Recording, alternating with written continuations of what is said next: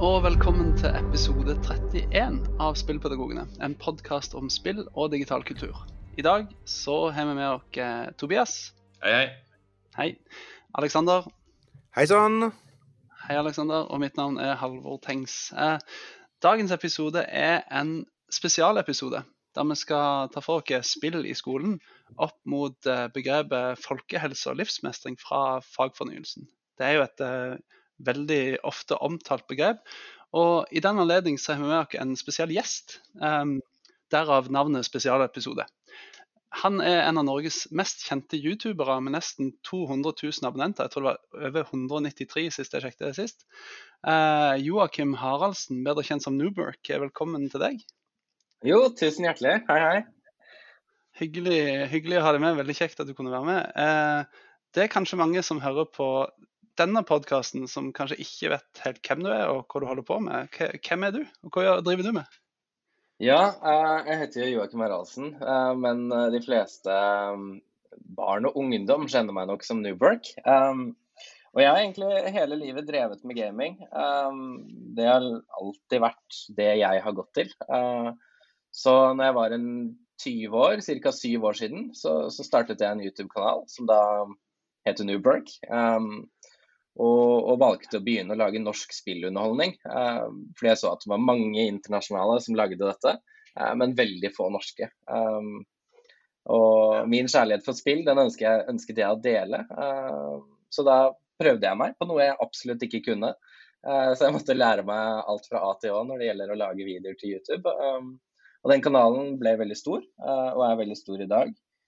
du nevnte jo i introen 193 000 abonnenter. Um, men kanalen har jo også over 140 millioner avspillinger. Så ja. den har blitt veldig stor. Den er litt sånn merkelig stor. Um, og så I tillegg til det å drive med spillunderholdning, så har jeg også startet et eget e-sportlag. Um, fordi um, det er noe jeg syns er veldig interessant. Det er den sporten jeg ser på uh, ved siden av sjakk, f.eks. Um, jeg ser ikke på så mye tradisjonell sport. Um, så jeg ønsker å fremme det også. Og så ser man jo liksom at nabolandene våre er så store i det, men ikke Norge. Men det er relativt nylig, det er det ikke? Ja, det, det er ganske nylig. Eh, men så er det også det er også et prosjekt som jeg har hatt uh, i fingrene mine ganske lenge. Det har bare vært veldig vanskelig å finne en inngang i Norge, da. Um, så tilbake i 2014-2015 så var jeg i USA for å besøke noen venner av meg som driver e-sportlag der for å gjøre research til hvordan jeg kunne gjøre det i Norge. Um, så det er egentlig et prosjekt jeg har holdt på med lenge. Og så har jeg vært e-sportutøver, eller e-sportutøver i gåseøyne um, selv, uh, før jeg begynte med YouTube-kanalen. Um, ja. Så, så, ja. Så det er, det er litt om meg. Uh, elsker å prate om spill. ja, så bra. Så bra. Ja, ikke noe. 140 millioner avspillinger. Det, det er litt flere enn eh, kanskje denne podkasten hadde siste gang. Stemmer ikke det?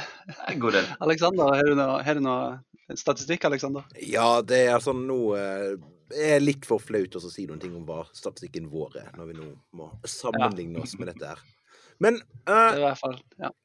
Man skal sammenligne uh, med seg selv. ja, det er sant. ja, ikke sant.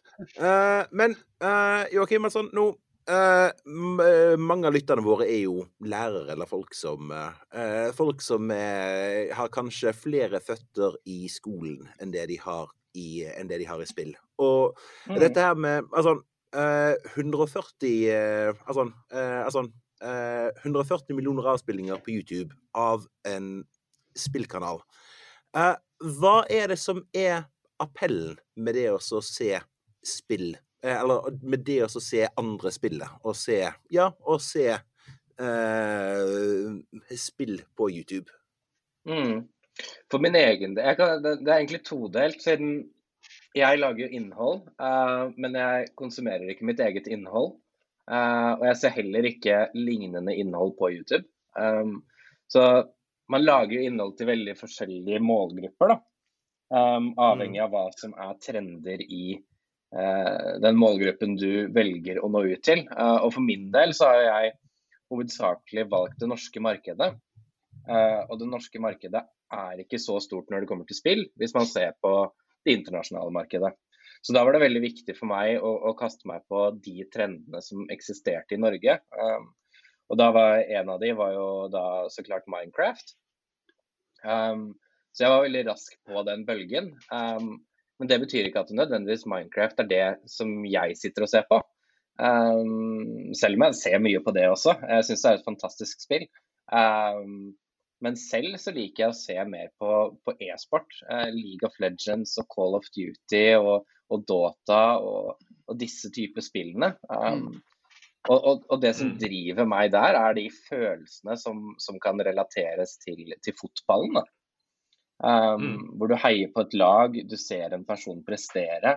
Han har jobbet i flere år for å oppnå det han klarte i denne kampen. Uh, og han blir uh, belønnet med noe uh, for, for, jobben han gjør. Mm. Det syns jeg er veldig fascinerende. Um, og når jeg ikke velger å se på e-sport, så velger jeg jo ofte humorting. Um, og de to vertikalene der, altså det å prestere i spill og, og, humor i spill, er nok de to vertikalene som er størst på YouTube. Um, så hvis man liksom klarer å, å balansere innimellom de to, uh, så klarer man å lage innhold som er interessant for folk å se på. da.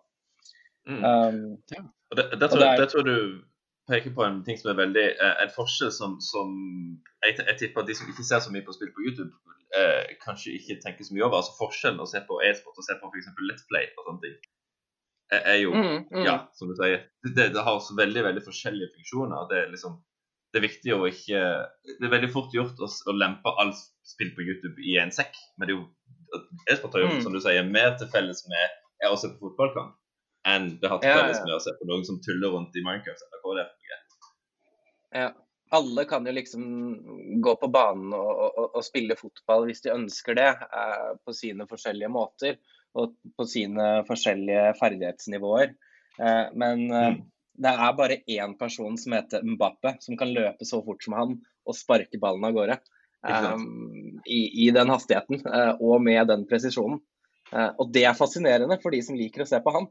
Mm. Uh, og, og, det samme mm. er det i e-sport. Um, du har alle som, som, spiller League of Legends og lager humor ut av dette, og som syns det er kjempegøy. Og så har du Reckless, som er fantastisk god i botlane uh, og vinner nesten alt. Um, mm. Det er liksom sammenligningen her, da.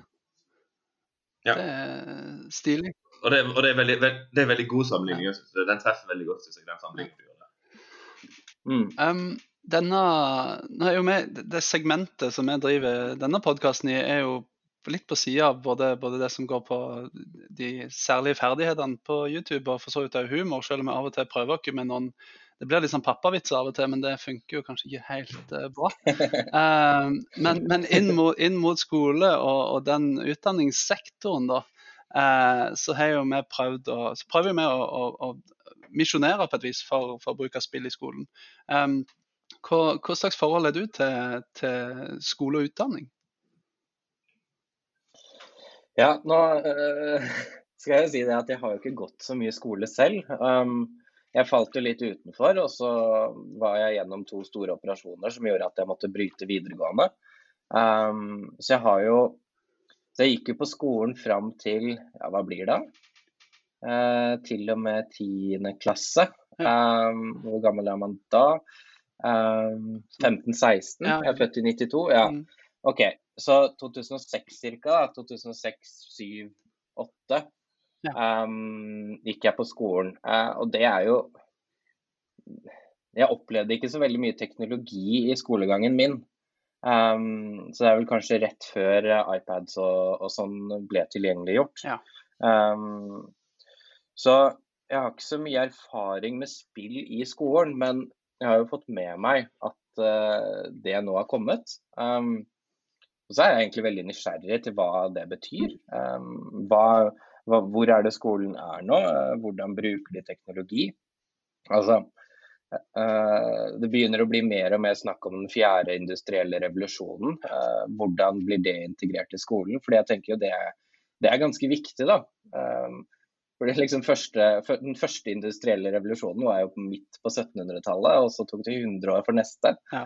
Og så var det en rundt uh, tidlig 1900-tallet. Uh, Og så kom en i 1970-tallet, og nå er vi på en enda en.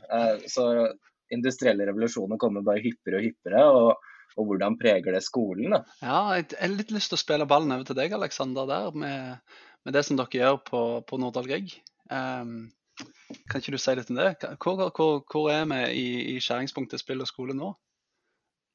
Ja, det er sånn at uh, Sånn som jeg ser det, da, sånn, så er vi på et punkt nå hvor spill i skolen kan gå én av to veier. Og det er Altså, vi i, vi spillpedagogene har jo et uh, ganske klart syn om hva vi mener spillpedagogene skal Nei, hva, hva spill i skolen skal være, eller hvilken plass spill spill skal ha. Men uh, uh, altså, vi er på et punkt hvor, hvor dette ikke nødvendigvis er helt, helt, helt avklart. For noe av, det som er, noe av det som er viktig for oss, det er at når spill skal inn i skolen, så skal spill tas inn som et medium som er verdifullt i seg selv. At Uh, gjennom spillmediet så fortelles det historier. Gjennom spillmediet så har man tilgang til opplevelser. Gjennom spillmediet så er det et uh, Altså, så ligger det et læringspotensial på en hel rekke forskjellige, forskjellige områder. Og dette er ikke uh, Altså,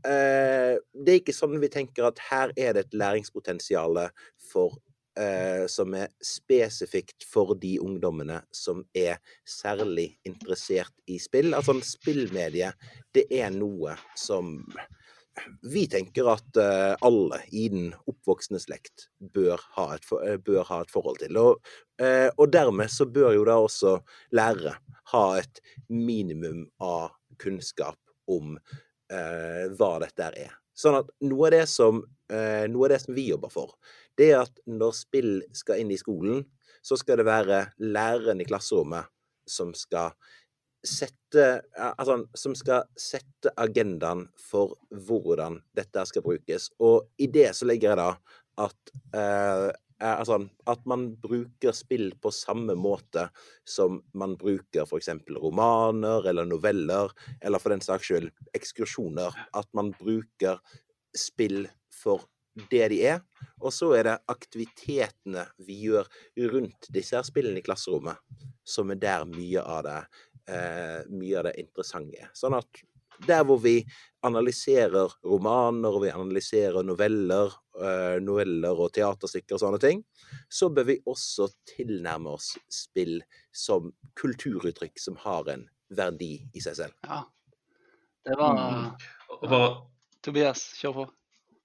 Nei, nei, jeg bare kjapt følge opp eh, og på en måte sette det liksom, å si, i en historisk uh, sammenheng. så var altså, Å bruke spill, både digitale og analoge, til læring er ikke, noe, er ikke en ny idé. Den har, den har, eksistert i over 30 år. Men i lang lang tid så var spill først og fremst et middel for å nå et mål. altså uh, Spesielt utdannere og, og forskere så at barn og unge er sykt engasjert av spill når de sitter og spiller. og de takle forholdsvis komplekse ting mens de sitter og spiller. Dette kan vi bruke i skolen for å ja, få de til å like noe de ellers ikke ville likt. Eh, rett og slett. Og da, Det går jo litt på akkord med det Alexander sier om spill som noe som har en verdi i seg sjøl. Eh, tradisjonelt sett så har spill kun vært så verdifulle som den læringa de skaper. Um, mm. ja. Og vi, vi, ønsker jo ikke å gå i den retningen, kan du si. Nei. Nødvendigvis gir det mening. Eh, mm. ikke sant? Vi, og vi er, jo, vi er, jo, i en eh, Sånn sett er jo nybrottsarbeid i den forstand at eh, spill har ikke fått eh, formelt innpass i skolen helt ennå, men, men, nå ligger det til den nye læreplanen som, som kommer til høsten, at, at uh, i engelskfaget på, på videregående skole så skal elevene møte spill som et kulturuttrykk. Altså på linjer med, som Alexander sa, med med romaner og noveller og, andre, og teaterstykker andre, andre typer kulturuttrykk. Mm. Men så, så, er det òg noe som er litt interessant her. fordi at i, i skjæringspunktet mellom, mellom, det du driver med og det som, det som vi prøver å misjonere, så, så, så, ligger der um, Så har du gjort noe spennende, syns jeg, eh, Joakim. Uh, Temaet for denne episoden var på et vis folkehelse og livsmestring. da det som kommer inn i, i læreplanen fra høsten av som, som, heter folkehelse og livsmestring, som er et tverrfaglig tema i fagfornyelsen, der, skal man gi elever kompetanse, står det. Og hør på dette, man skal fremme god eh, psykisk og fysisk helse. Gi muligheter til å ta ansvarlige livsvalg. Man skal eh, touche innom temaer som levevaner, seksualitet, rusmidler, mediebruk, eh, forbruk og personlig økonomi. Og kunne sette grenser osv. Og, og, så holdt du på med noe eh, i lag med Niklas Baarli som heter InGame, mm. som, som, på en måte toucher litt innom nettopp de eh, aspektene ved, ved, ved folkehelse og livsmestring. Kan ikke du si litt om, om det? Jo. Um, InGame, det, det er det programmet vi lagde eh, sammen med Mental Helse og Ungdom, eh, hvor vi uh, fikk et problem. Um, og problemet var at Eh, problemet var selvmord, og, og, hvem var det som gikk eh, oftest selvmord? Det var unge gutter. Uh, unge gutter i alderen 13 til 17 um, var den største målgruppen der. Uh, og da skulle vi se hvordan er det vi kan prate med de. Um, for gutter i den alderen er jo ofte ikke så veldig lett å prate med. Uh, så, men det vi visste var jo at de fleste spiller jo. Um, Eh, det er veldig veldig mange gutter i den alderen som spiller. Det er faktisk 96% av gutter i alderen 9 til 18 vel, som spiller. Um, så vi visste at gjennom den plattformen så, så, treffer vi de. Så da satte vi oss ned og tenkte hvordan er det vi kan lage et program hvor vi kan prate om utfordringer uh, og prøve å normalisere litt ting og, og, få fram hvordan virkeligheten faktisk er. Um, fordi en ting som en, en, en bakdel som har kommet da, med denne tilgjengelige verden, uh, med sosiale medier osv., er at uh, ofte så, så blir uh, ikke realiteten fremmet 100% Det er veldig mye som blir skjult og pyntet på. Og det kan gi et feil, feil blikk da, av hvordan verden egentlig er. Um, så Derfor lagde vi fem-seks episoder hvor vi hadde gjort en castingprosess i forkant. Eh, for å, å finne eh, noen mennesker som ønsket å være med oss eh, og snakke litt om sine problemer og utfordringer i hverdagen. Og, og, det som skjedde da, var at gjennom disse samtalene så var det flere av de som hadde pratet om ting de aldri noensinne har pratet med. Og da pratet de med meg og, og Niklas Baarli, eh, som ikke kjenner disse i det hele tatt. De var helt anonyme, anonyme for oss også. Vi hadde et eksternt eh, casting, eh, castingmennesker som hjalp oss med det. Uh, så vi visste ikke hva de het engang. Eh, med mindre de faktisk gikk ut og sa det selv. Um, så de var jo helt anonyme. men til oss så, så, begynte de å åpne seg, de begynte å, å snakke om ting. Um, og vi var der og, og, stilte spørsmål for å få dem til å, å tenke og reflektere. Og og fy søren, og reflekterte gutter i alderen 13 til 17 her, altså. Ja. De, de, tenk, de, tenker mye, og det er veldig mye gode tanker. Um, men så syns vi det er skummelt å ta opp ting med foreldre, og skummelt for å ta opp ting med, med venner, fordi de er redd for en reaksjon ofte. Men arenaen for denne um, samtalen? Ja, alt det skjedde jo på, på, gjennom spill, gjennom Fortnite. Ja. Uh, vi hadde vel også en episode hvor vi spilte Farming Simulator, fordi han ene var veldig interessert i, i gårdsbruk. Um, så da tilgjengeliggjorde jo vi for det. Um, og vi fant jo også ut at det, det å sitte og, og, og snakke uh, gjennom spill, altså det vet jo vi som har gamet mye, uh, det er en veldig fin plattform for å sitte og prate om ting. Um, selv så har jeg um, i e-sportlaget mitt så, så, sitter jeg ofte og har uh, spillende møter uh, med flere forskjellige som er med på laget. Um, uh, ikke som utøvere, men som investorer og rådgivere osv. Hvor, vi, hvor vi faktisk setter oss ned og spiller og, og, snakker om ting vi ønsker å oppnå. Så vi bruker jo det ganske aktivt, ikke bare til å liksom løse private problemer, men eh, problemer innenfor jobb og utfordringer der. Ja. Eh, mm. Så det er en plattform som er veldig fin å bruke for å kommunisere. Ja, nettopp. Nå, dere leste kanskje den saken om de, eh, det firmaet som oppdaget at Zoom ikke funka for de, så de hadde møtene sine rundt leirbål i Red Dead Online i stedet. ja. ja, ikke sant. det er jo det er fint. Funka, funka fint. Ja, ja. ja.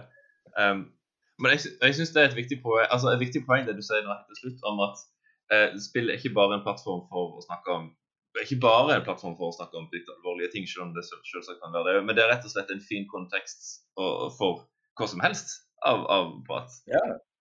Um, altså, som, og, det, og, det, ja. det, vi liksom fant ut, da, var at når vi, når vi, i etterkant da, så, så, så vi liksom Vi prøvde å forstå hvorfor fungerer dette så godt. Um, og da så vi liksom flere sånne der, um, rapporter uh, rundt hvor de hadde gjort forskning på uh, der to mennesker prater sammen, hvor de prater direkte. Um, og de beste settingene var enten hvor de satt i en bil og kjørte, uh, eller gikk tur. det var liksom, ja. Da fikk du de mest verdifulle samtalene.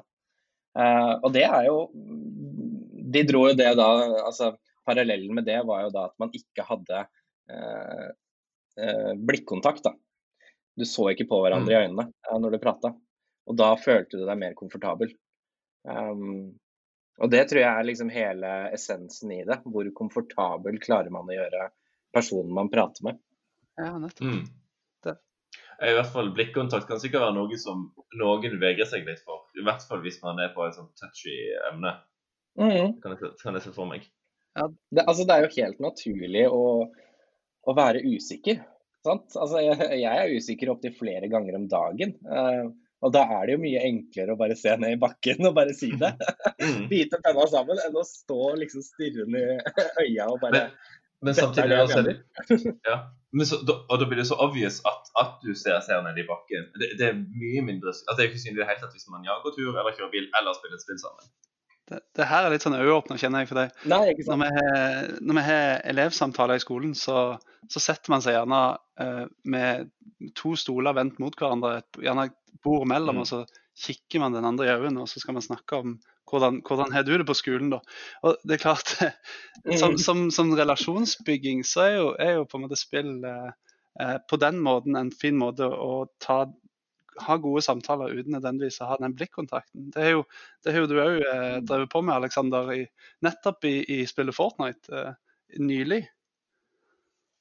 Ja, det Fortnite har vært et av de spillene hvor jeg har tenkt at dette er noe jeg aldri kommer til å bruke i undervisning. Og litt av tanken min der, det er at uh, altså, uh, altså Til den grad spill er kultur, og vi mener at spill er kultur, så er Uh, altså, Fortnite, det er uh, Ja, kiosklitteratur, da. Det er uh, altså uh, lett tilgjengelig underholdende, men relativt lite dybde i det.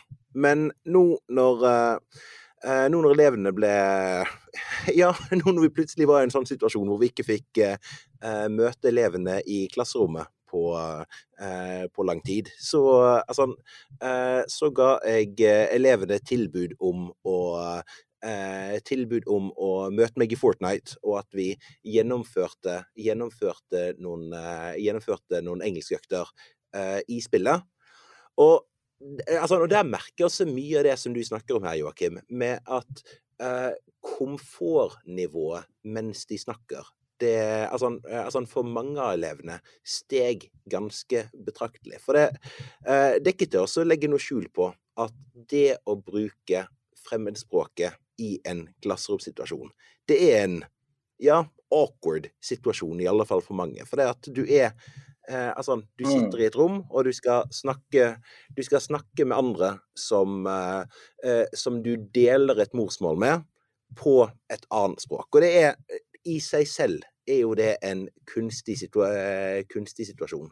Men noe av det jeg opplevde når jeg det, når jeg da flytta den der samtalen inn i Fortnite, det var at den eh, ja, altså den naturlige, spontane samtalen fra elevenes side, den kom mye kjappere fram da. Og litt eh, Altså, eh, litt handler det med at, tror jeg i alle fall, at eh, man holder på med eh, Man holder på med to aktiviteter samtidig, selv om de er beslekta. På den ene siden så sitter man der og styrer avataren sin og skal eh, ja, prøve å komme seg gjennom dette spillet på en, eh, spillet på en best mulig måte. Eh, men så har du denne her samtalen, eh, samtalen gående på siden.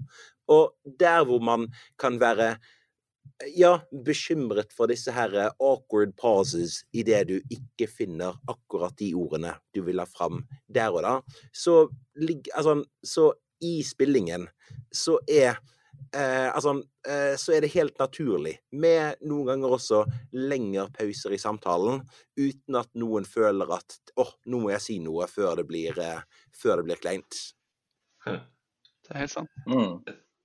Jeg skal si noe som jeg må eh, jeg ikke merker jeg må balansere litt på. at tunga rett i munnen her for, med, med fare for på en måte motsi meg sjøl. Um, for, litt for, for, å bygge på det du sier, Alexander. Eh, noen av de kjekkeste norsktimene jeg noen gang har hatt, eh, det var første året mitt som lærer. Eh, og så fikk jeg en andre klasse IKT-servicefag med nesten bare gamere. Og, og da har min runde der elevene presenterte seg selv for meg, så kunne jeg si ja, og, og, Da la jeg merke til et mønster. Da, at dette var gutter som, stort sett gutter da, som likte å spille. Um, og, og det gjorde jo at, at, siden jeg hadde så mange av den samme liksom, kulturelle referanserammen som de hadde, vi spilte jo mye de samme spillene, så var det liksom um, en måte for meg å innramme norskfaget som mange av disse elevene hadde et anstrengt forhold til, på en måte som gjorde at de følte seg eh, komfortable og trygge. For det er jo det som liksom er den røde tråden i, i mye av det både du, det du Joakim sier og det du Alexander sier, er jo at spill, at, at, man føler seg komfortabel og trygg i spill ofte, gjerne fordi det er en kjent situasjon. Det er en, Apropos livsmestring, det er jo nettopp den, kanskje den del, delen av livet mange mestrer, er jo nettopp det som går på dette. Mm. Så da husker jeg, glemmer aldri en, av disse karene. Han kom bort til meg en gang så, så, sånn, så, så, sa han til meg Jeg har alltid hata norsk, men du, sa han, så han på meg, du er kul. det er kanskje et av de fineste komplimentene jeg har fått, eh, tror jeg. Ja. Mm. Um, og det handler ikke om og igjen, men handler, For meg så handler det ikke om dette her med brokkoli med sjokoladetrekk. ikke sant, Bruke spill som en måte å lure elevene til å like ting de ikke liker, eller få i seg innhold de ikke liker. Det er ikke det det går på for meg. Um, det er kanskje en hårfin forskjell, men for meg så handler det om å skape Bruke noe elever mestrer som en ressurs, Over å mestre og forstå, på å prøve å få de til å mestre av noe de ikke ennå forstår. Et eksempel kan være når vi snakker om sakposer, f.eks. Det var, var det mange som hadde anstrengt forhold til det, dette med sjangre og sånn i norsk. Men de hadde mange sterke meninger for hva som var en god og dårlig spillanmeldelse, f.eks. Han er mm. fra han, ja, altså de hadde veldig, Selv om de ikke brukte ord som saklig og usaklig, så var det jo egentlig det de mente, at dette var dårlige grunner til å gi spillet en dårlig karakter, f.eks. Så da brukte de som en ja, kall det en trojansk hest for, for, å snike inn litt norskfaglige ting til disse folka. Mm. Så kjekkeste norskklassen jeg har hatt. Dette er, jo, dette er jo, rett inn i, inn i folkehelse- og livsmestringsaspektet. Vi fikk litt sånn påpakke om at ikke, det skal på en måte ikke bare handle om psykisk helse. Det er, er, ingen konkrete kompetansemål som er veldig på akkurat det med psykisk helse. For det handler om så mye mer enn det. Det handler om f.eks. identitet. Det å finne, finne, sin stemme da, i, både i, mm. i, i, relasjon til de få andre man treffer i klasserommet, men òg andre. Tror, tror, dere det er lettere å på en måte greie å utvikle sin egen stemme og sin egen identitet hvis man eh, bruker spill på denne måten? Ja, altså jeg kan dra en, en, liten parallell til noe av det jeg jobber med med e-sportorganisasjonen min. Og, og, både jeg Oi, ringer der. Um, både jeg og, og e-sportorganisasjonen min har et samarbeid med stiftelsen Vi. og uh, En av deres uh, største oppgaver er å få folk til å delta. Uh, fordi de mener det at hvis man deltar, så er man ett steg nærmere å mestre noe. og være inkludert i noe. Um, det prøver vi da å gjøre gjennom spill. Så Hvis vi klarer å få folk til å delta, så vil de bli en del av noe. Og Da vil de også være en del av en stemme. Um, og Det vil jo da også føre til andre positive ting, da, som en mestringsfølelse. Uh, og da også faktisk få mer selvtillit og, og føle seg bedre. Uh, og kunne klare å, å, å gå mot uh, nye oppgaver i livet. Um, så det er en veldig viktig ting for meg, fordi jeg var jo også en av de som falt utenfor og har kjent på det å, å, å være utenfor. Eh, så det er en av de største oppgavene vi har foran oss. Um, vi ønsker å, å, få deltakelsenivået til å bli enda høyere. Um, Men så har jeg noen spørsmål som jeg tenker kan være fine å diskutere her nå. Ja. Hva hvis man blir altfor vant med å bruke spill som kommunikasjonsplattform? Vil man da på sikt bli dårligere til å se mennesker i øya? Mm. For det å, å, se mennesker i øynene er jo egentlig en veldig fin ting. fordi man ser så mye mer enn det man sier med øya. Mm. og øyekontakt. Ja, absolutt. Det er jo en helt uttrykksverden du mister når man ikke kan se ansiktet og, og kroppen til hverandre, kroppsspråk og ansiktsuttrykk osv. Mm. Um, jeg, jeg har lyst til å svare litt på det, Tobias, hvis det er greit. Ja, ja kjør på. Kjør fordi jeg tror det, det, er todelt. Fordi um, på den ene sida så må man, må man mestre den uh, ferdigheten det er å snakke med andre uh, ansikt til ansikt. Og og, kunne stå for uh, synspunkter, stå for meninger, ofte i vanskelige situasjoner. Uh, men så tenker jeg at mm. når man er i ja, 15-16-17-årsalderen, så er ikke Altså den, den uh, selvtilliten man har uh, knytta opp mot den stemmen man bruker i, i relasjon til andre, den er sjelden, syns jeg, veldig Eh, sterkt utvikla. Altså man, man, er ikke på en måte kommet til et nivå der man kan si at jeg, jeg har så stor tro på min egen stemme og min egen autoritet at jeg kan stille meg opp foran et annet menneske og se det i øynene og si akkurat det som er nødvendig å si der og da. Eh, da slår man ned øynene, og da kikker man i bakken og så blir man usikker. Men jeg tror at ferdigheten å utvikle det å utvikle selvtillit nok til å stå for noen meninger i f.eks. en arena som spill, kan bidra til å hjelpe til til at man i neste omgang kan, kan, gjøre det samme i, uh, ute i dagslys, håper jeg. Skjønner du hva jeg mener? Mm. Så, for eksempel, ja. så, så, det som kan skje, da, er at um, egentlig så er svaret ditt at i den eh, aldersgruppa du er i når du spiller spill som mest, så er det ikke din oppgave å lære det å konfrontere og se hverandre i øynene. Um, men det som skjer ved at du kan ta et standpunkt gjennom spill, eh, vil gjøre at du gjennom videre deltakelse på fysiske arenaer med spill, mm. kanskje du møter de du spiller med på nett, eh, begynner å prate om disse temaene i virkeligheten, for så å da etter hvert kunne klare å hvis man ønsker det, da. Stå på en scene og fortelle alle hva man mener. Ja, ikke sant. Um, Potensielt. Og så er det jo ikke alle. Det er litt veien i det. Ja, men vi må jo tenke liksom, den hverdagsdelen som er, som er det å det å gå til en butikk og, og, og, si at vet du hva, den, den klokka du solgte meg i forrige uke, den virker ikke. Så du må, du må nesten reparere den. Og det å så ha selvtillit mm. nok til å gå ned og si, og, og si det, da, f.eks. Det, det er jo en ferdighet som man må utvikle. Det, det, det, trenger på en måte ikke bare å være eh, de store, grandiose tingene som å delta i ja, Melde seg på Idol f.eks. Eh, og stå på en scene, men det kan òg være de, de hverdagslige tingene. Det er mange som Altså, man ser jo i mm. ungdataundersøkelser eh, de siste årene at, at stadig flere unge eh, melder om at man har mer type, type angstlidelser, altså problemer med å få nettopp disse her tingene til å fungere, fordi at man, man, man rapporterer om, om, mer sånn type eh, usikkerhet. Eh, og da tror jeg, mm. det, og da kan spill være en arena, det kan være andre arenaer som kan øve på de samme tingene, men jeg tror kanskje at det, at sånn som du gjorde med, med Bårli eh, på in game, er en sånn type arena som kan, kan gjøre at man eh, ja, utvikler en stemme, en identitet. Mm. mm. Jeg, er jo, jeg, er jo, stor fan av eh, det vi kan kalle um, veilederoverføring. Altså Man gjør seg noen erfaringer uh, i en sammenheng eller med ett et objekt eller hva det måtte være, men som så gir noe, en erfaringsbank som, eller kunnskapsbank som kan brukes til å forstå litt nye andre og ukjente sammenhenger.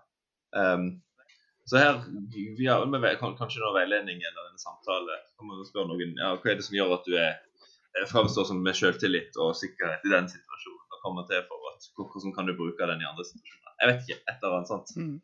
Mm. Noe å bygge videre på, liksom. Ja, definitivt. Mm.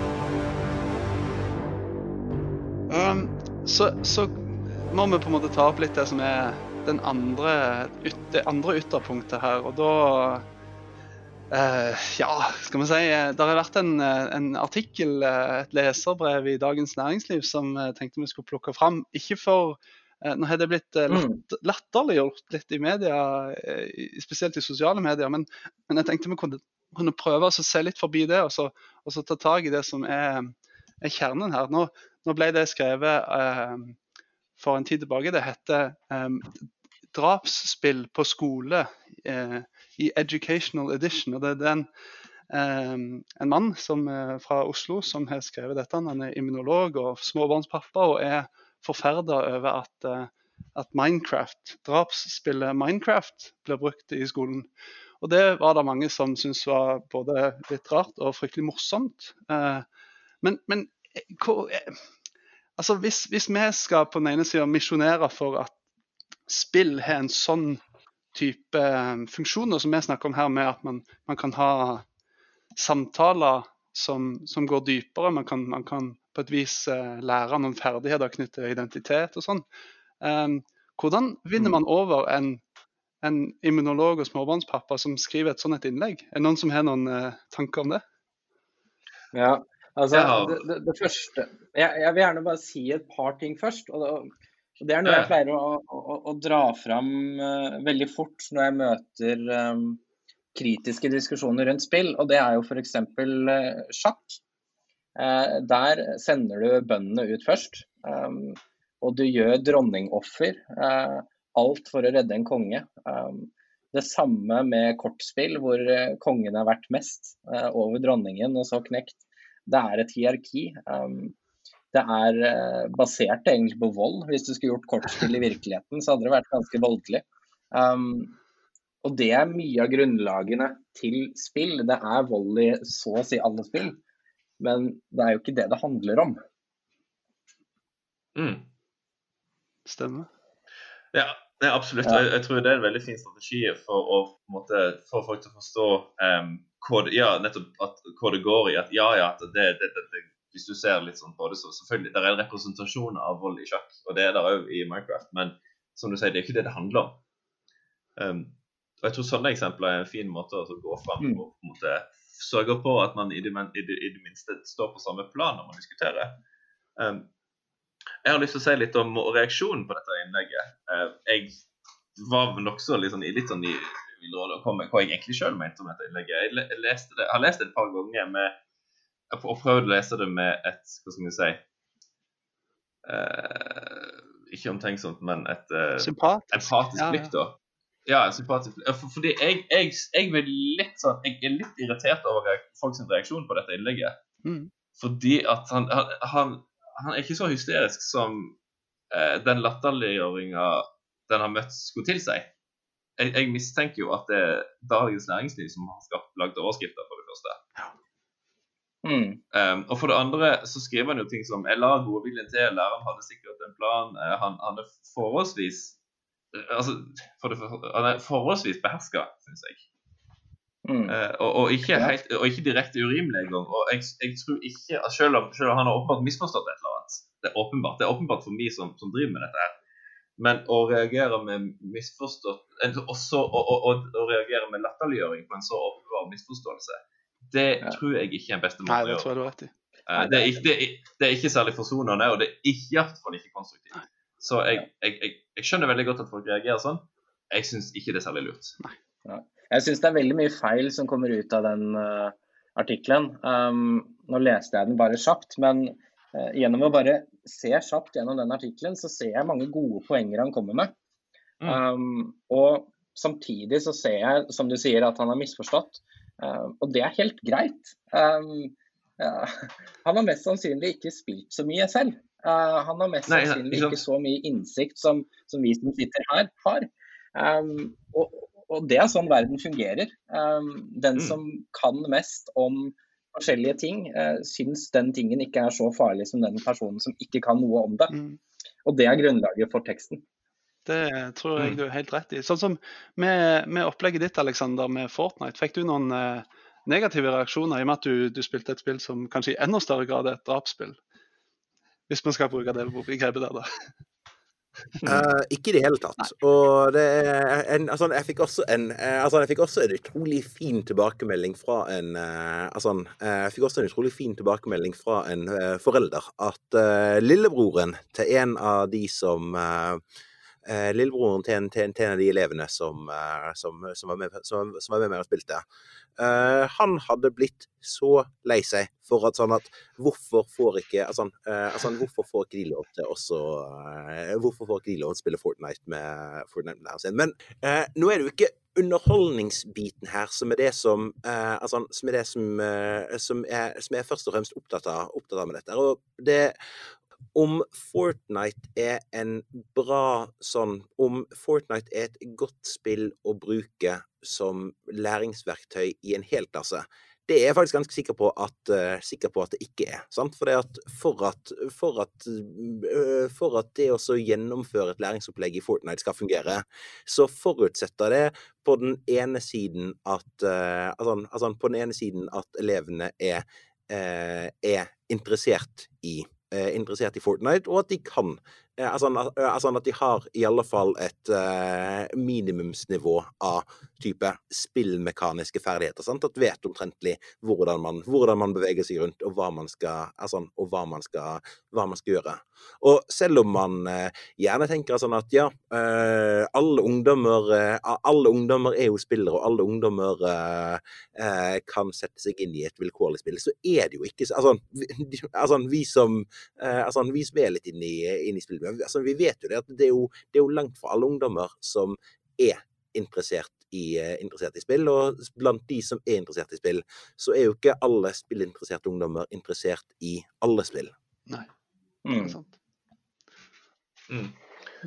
Apropos drapsspill. Eh, jeg eh, har gjort noe som jeg, jeg, Dere vet jo godt Alexander jeg har gjort noe som er hakket verre. Jeg har spilt gjennom hele The Last of Us med en andreklasse på, andre på videregående. De er ikke 18 engang. Ah. Uh, og, og, ikke bare det, men de måtte spille det hjemme. Uh, sammen hos hverandre. Jeg, jeg stålsatte meg litt og forventa en hissig telefon fra en forelder. Uh, nei, ingenting. Nei. Jeg, jeg, var veldig up front og sa at dette er et spill med en del brutale scener. Um, men det er noe vi skal snakke om. Så vi snakker om, om, om vold, ikke bare vold i det spillet, men vold i media generelt. men der toucher du litt innom et annet punkt da, som er veldig viktig. Og, og, det punktet er det at um, hvis man ikke eh, tilvenner folk eh, Ta f.eks. alkohol. da. Um, hvis barnet ditt aldri har hørt om alkohol før den uh, plutselig står i russetida, um, så går det mest sannsynlig galt um, mm. fordi den ikke har noe kunnskap. Um, mm. Så man er jo nødt på en eller annen måte drive kunnskapen opp før det er frie tøyler. Ja, det er sant. Det, oh, ja. det er jo konteksten her, kontekstualiseringen av The Last of Us i, i, i opplegget ditt, Tobias, som er som, som gjør at dette kan eh, ja, rettferdiggjøres og, og, ikke minst eh, brukes konstruktivt til læring. ikke sant? Mm. Det... Mm. Og, og, når vi er inne på dette med uh, barn og ungdom og voldelige spill altså, vi, vi, vet jo alle at uh, det er veldig mange barn og unge som spiller voldelige spill som de ja, altså, som vi kanskje skulle ønske at de hadde venta noen flere år før de hadde Altså, eh, altså, eh, altså før, før, de hadde gått i gang med. Eh, for det, og, og, det er jo ikke bare hva er det de Altså, hva er det tolvåringen møter når han spiller GTA 5, sant? Men de opplevelsene som Altså, de opplevelsene som dette barnet har i spillet, har han da heller ikke nødvendigvis en voksen person å snakke om med.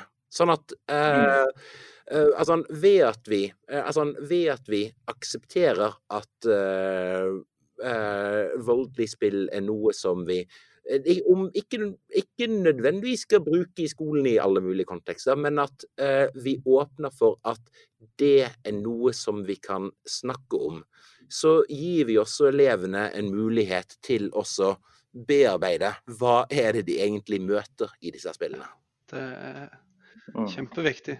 Eh, mm. Og, og, sånn som denne, denne, mannen som har skrevet um, innlegget om, om drapsspillet Minecraft, kan jo kanskje ha best uh, Han kan jo kanskje få, få avkrefta noen av disse uh, la oss kalle det fordommer, eller ting han skriver om i, i, i innlegget ved å sette seg ned og spille sammen med, med sitt, sin sønn eller datter. Mm. Det er det Det er så utrolig viktig det der, å bare sette seg sammen med barnet og forstå. Ja. Mm. Og sette seg inn i interessene. Ja. Absolutt. Det tror jeg ja. Um, ja, det er jo råd nummer én til alle, alle foreldre som er litt skeptiske. For, for, altså, når en forelder har forstått at nei, du, det, er så, det, er ikke bare bare å forlate en omgang av uh, Fortnite eller League of Legends fordi at middagen er ferdig, jeg opplevde det i går, eh, mm. Tobias. Jeg skulle hente min sønn hos en kompis. Og så satt de og spilte Mario Kart. Og så har det her er mm. seksåringen min. da, Han har fått med seg noen fraser fra eldstebror. Så når jeg kom da og banka på, så hørte jeg fra kjelleren sånn 'Pappa, kan ikke live nå!' kan ikke live nå. Nei, det, det, det skjønner man jo. Altså, vi vet jo hvordan det er. Men um, jeg, tror, ja. jeg tror det er en svensk forsker som har skrevet Jeg tror det er enten en artikkel eller en avhandling, og den har tittelen 'Kom og spis'. Ja da, jeg skal bare dø først. mm. den er fin. ja, kjempe. Du, eh, mm. vi, skal, vi, skal, gå litt sånn inn for landing etter hvert, eh, tenker jeg. Eh, har vi toucha innom det vi ville touche innom? Ja. Det tror jeg. jeg tror ja. um, men før vi gjør det, mm. så har vi et uh, månedsspill vi skal snakke litt om. Uh, nok et uh, spill i kategorien drapsspill. Uh, Minecraft Dungeons. Ja, definitivt. Minecraft Dungeons kom ut i, for tre dager siden, tror jeg. og i og med at du, Joakim, har bygd en karriere på å spille Minecraft på YouTube, så mm, tenkte jeg det kan vi jo mm. snakke litt om helt avslutningsvis. Har Tobias Alexander har dere spilt det? Um, Nei, jeg har ikke spilt den, da. Men jeg, altså, når jeg så en uh, Let's Play av det i går, sånn det skulle være litt forberedt, i alle fall. Ja, så der. Jeg har ikke spilt det, men jeg uh, spilt andre Dungeon Crawlers. Ja, uh, ja, for det er jo nettopp en Dungeon Crawler. Ja. Joakim, du er kommet i gang med det? Jeg har kommet godt i gang. Jeg har kjørt gjennom hele spillet nå på, på default-nivå. Så jeg har, ikke, jeg har, ikke, begynt på adventure, siden du kan jo gjøre dette mm. vanskeligere og vanskeligere for deg selv. Som du nevnte, spilltypen er jo en dungeon crawler. Um, men uh, dette her er jo Minecraft uh, gjort enda mer grotesk, egentlig. mm, det er det. det, er det. det er, og, og, også gøy med et lineært spill, uh, må, må, jeg si. Jeg syns, jeg syns det var litt moro, rett og slett. Eller lineært og lineært nok, i alle fall. Du, du må jo gjennom. Så. Jeg har et spørsmål til du som spilte. Er, er, er Minecraft i tittelen er det noe mer enn bare en, en skin, holdt jeg på å si?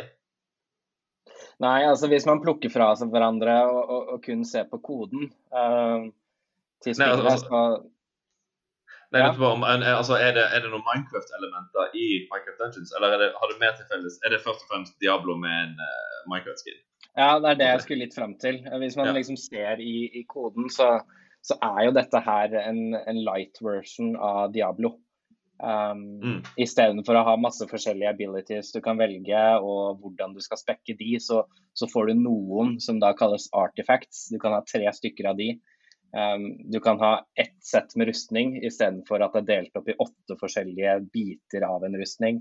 Du har mm. ett uh, kortdistansevåpen og ett langdistansevåpen uten noe mer uh, modifikasjoner. Um, og så har du noen få elementer fra Minecraft i disse artifaktene, f.eks. Mm. fishing rod. Um, den kan mm. jo brukes, men den kan ikke brukes på den, uh, den mente måten i Minecraft ved å fiske. Uh, du bruker den ved å slå den på fiender for å okay. få dem unna. Um, så det er litt sånn andre dynamikker, uh, men de har prøvd å hente inn noe fra Minecraft, men utover det så er det bare et skin um, og en forenklet versjon. Men, men uh, apropos dette med å snakke om, um, om, å ha de gode samtalene, så er jo dette et spill som, som, innbyr til samarbeid. For du kan spille nemlig opp til fire personer sammen. Og da blir utfordringene vanskeligere, mm. og man, man, kan, man kan uh, samarbeide om å ha ulike egenskaper på, på det, det, som du nevnte nå, Joakim, med, med, våpen og, og, og slikt. Uh, at, mm. at, man kan på en måte ha en strategi da, i lag. Og jeg tenker dette spillet òg Eh, på samme måte som, eh, som Fortnite og in game-opplegget ditt, eh, vil du òg egentlig ha en sånn potensial for å ha skikkelig skikkelig gode samtaler i dag. Tror du ikke det? Absolutt. Altså, hele målet med spillet er egentlig å havne på de høye rangeringslistene. Um, jeg er jo en, en, veldig stor fan av Diablo uh, og gleder meg utrolig til Diablo 4 kommer. Uh, og, og, nå spiller jeg jo Diablo 3 og, og seasonal character og, og, full pakke. Og jeg, prøver prøver alltid å komme meg på topp 100 på disse um, Greater Rift. Uh. Uh, og jeg vil jo se for meg at uh, Minecraft også kommer til å komme dit hvor du har public lister, hvor du kan prøve å, å gjøre det så vanskelig som mulig. Og, og, da er de jo nødt til å tenke på dynamikken i spillet og sammensetning av lag. Mm. Um, så plutselig så kommer vi til å se en competitive Minecraft-versjon her. Se der. Se der. ja, jeg tror Ja, Tobias?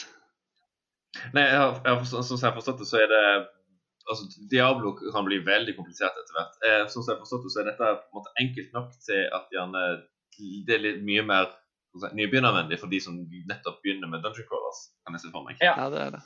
Ja, hvis du Ja, Minecraft er en veldig sånn fin intro. Um, du kan, altså Når du starter spillet, så er det enkelt. Uh, du tar alle monstrene på ett hit. Det Er, du løper gjennom det, og det går kjempefint. Um, og du kommer ikke til å møte noen store problemer. Um, mens med Diablo så kan du gjøre det med en gang. Um, og, og, så har du kanskje Path of Exile da, over Diablo igjen, som er mm. superavansert. Du, um, ja, og, og, jeg tror kanskje at vi, vi, runder av litt der. Nå, jeg tror ikke at vi ja, Kanskje noen av dere har en ambisjon om kanskje en gang å komme på en topp 100-liste på nett, men jeg tror kanskje ikke det er nærstående for, eh, for noen av spillpedagogene, sånn sett. Um, det får bli eh, siste ordet i dag. Eh, tusen takk for en eh, hyggelig samtale om, eh, om spill og litt sånn rundt forbi knytta til folkehelse og livsmestring. Um, neste gang vi har har podkast med spillpedagogene, så, så, får vi se om vi klarer å Kanskje vi er i et annet uh, sted i verden når det gjelder koronasituasjonen. Men, men, enn så lenge så får dere kose dere med, med det vi har å tilby på, av eh, podkast her på, på nett. Eh, Joakim, uh, takk for at du var med, og ha en fin dag. Jo, tusen, tusen hjertelig takk for meg. Det var kjempegøy å prate med deg. Takk skal du ha. Ha det bra.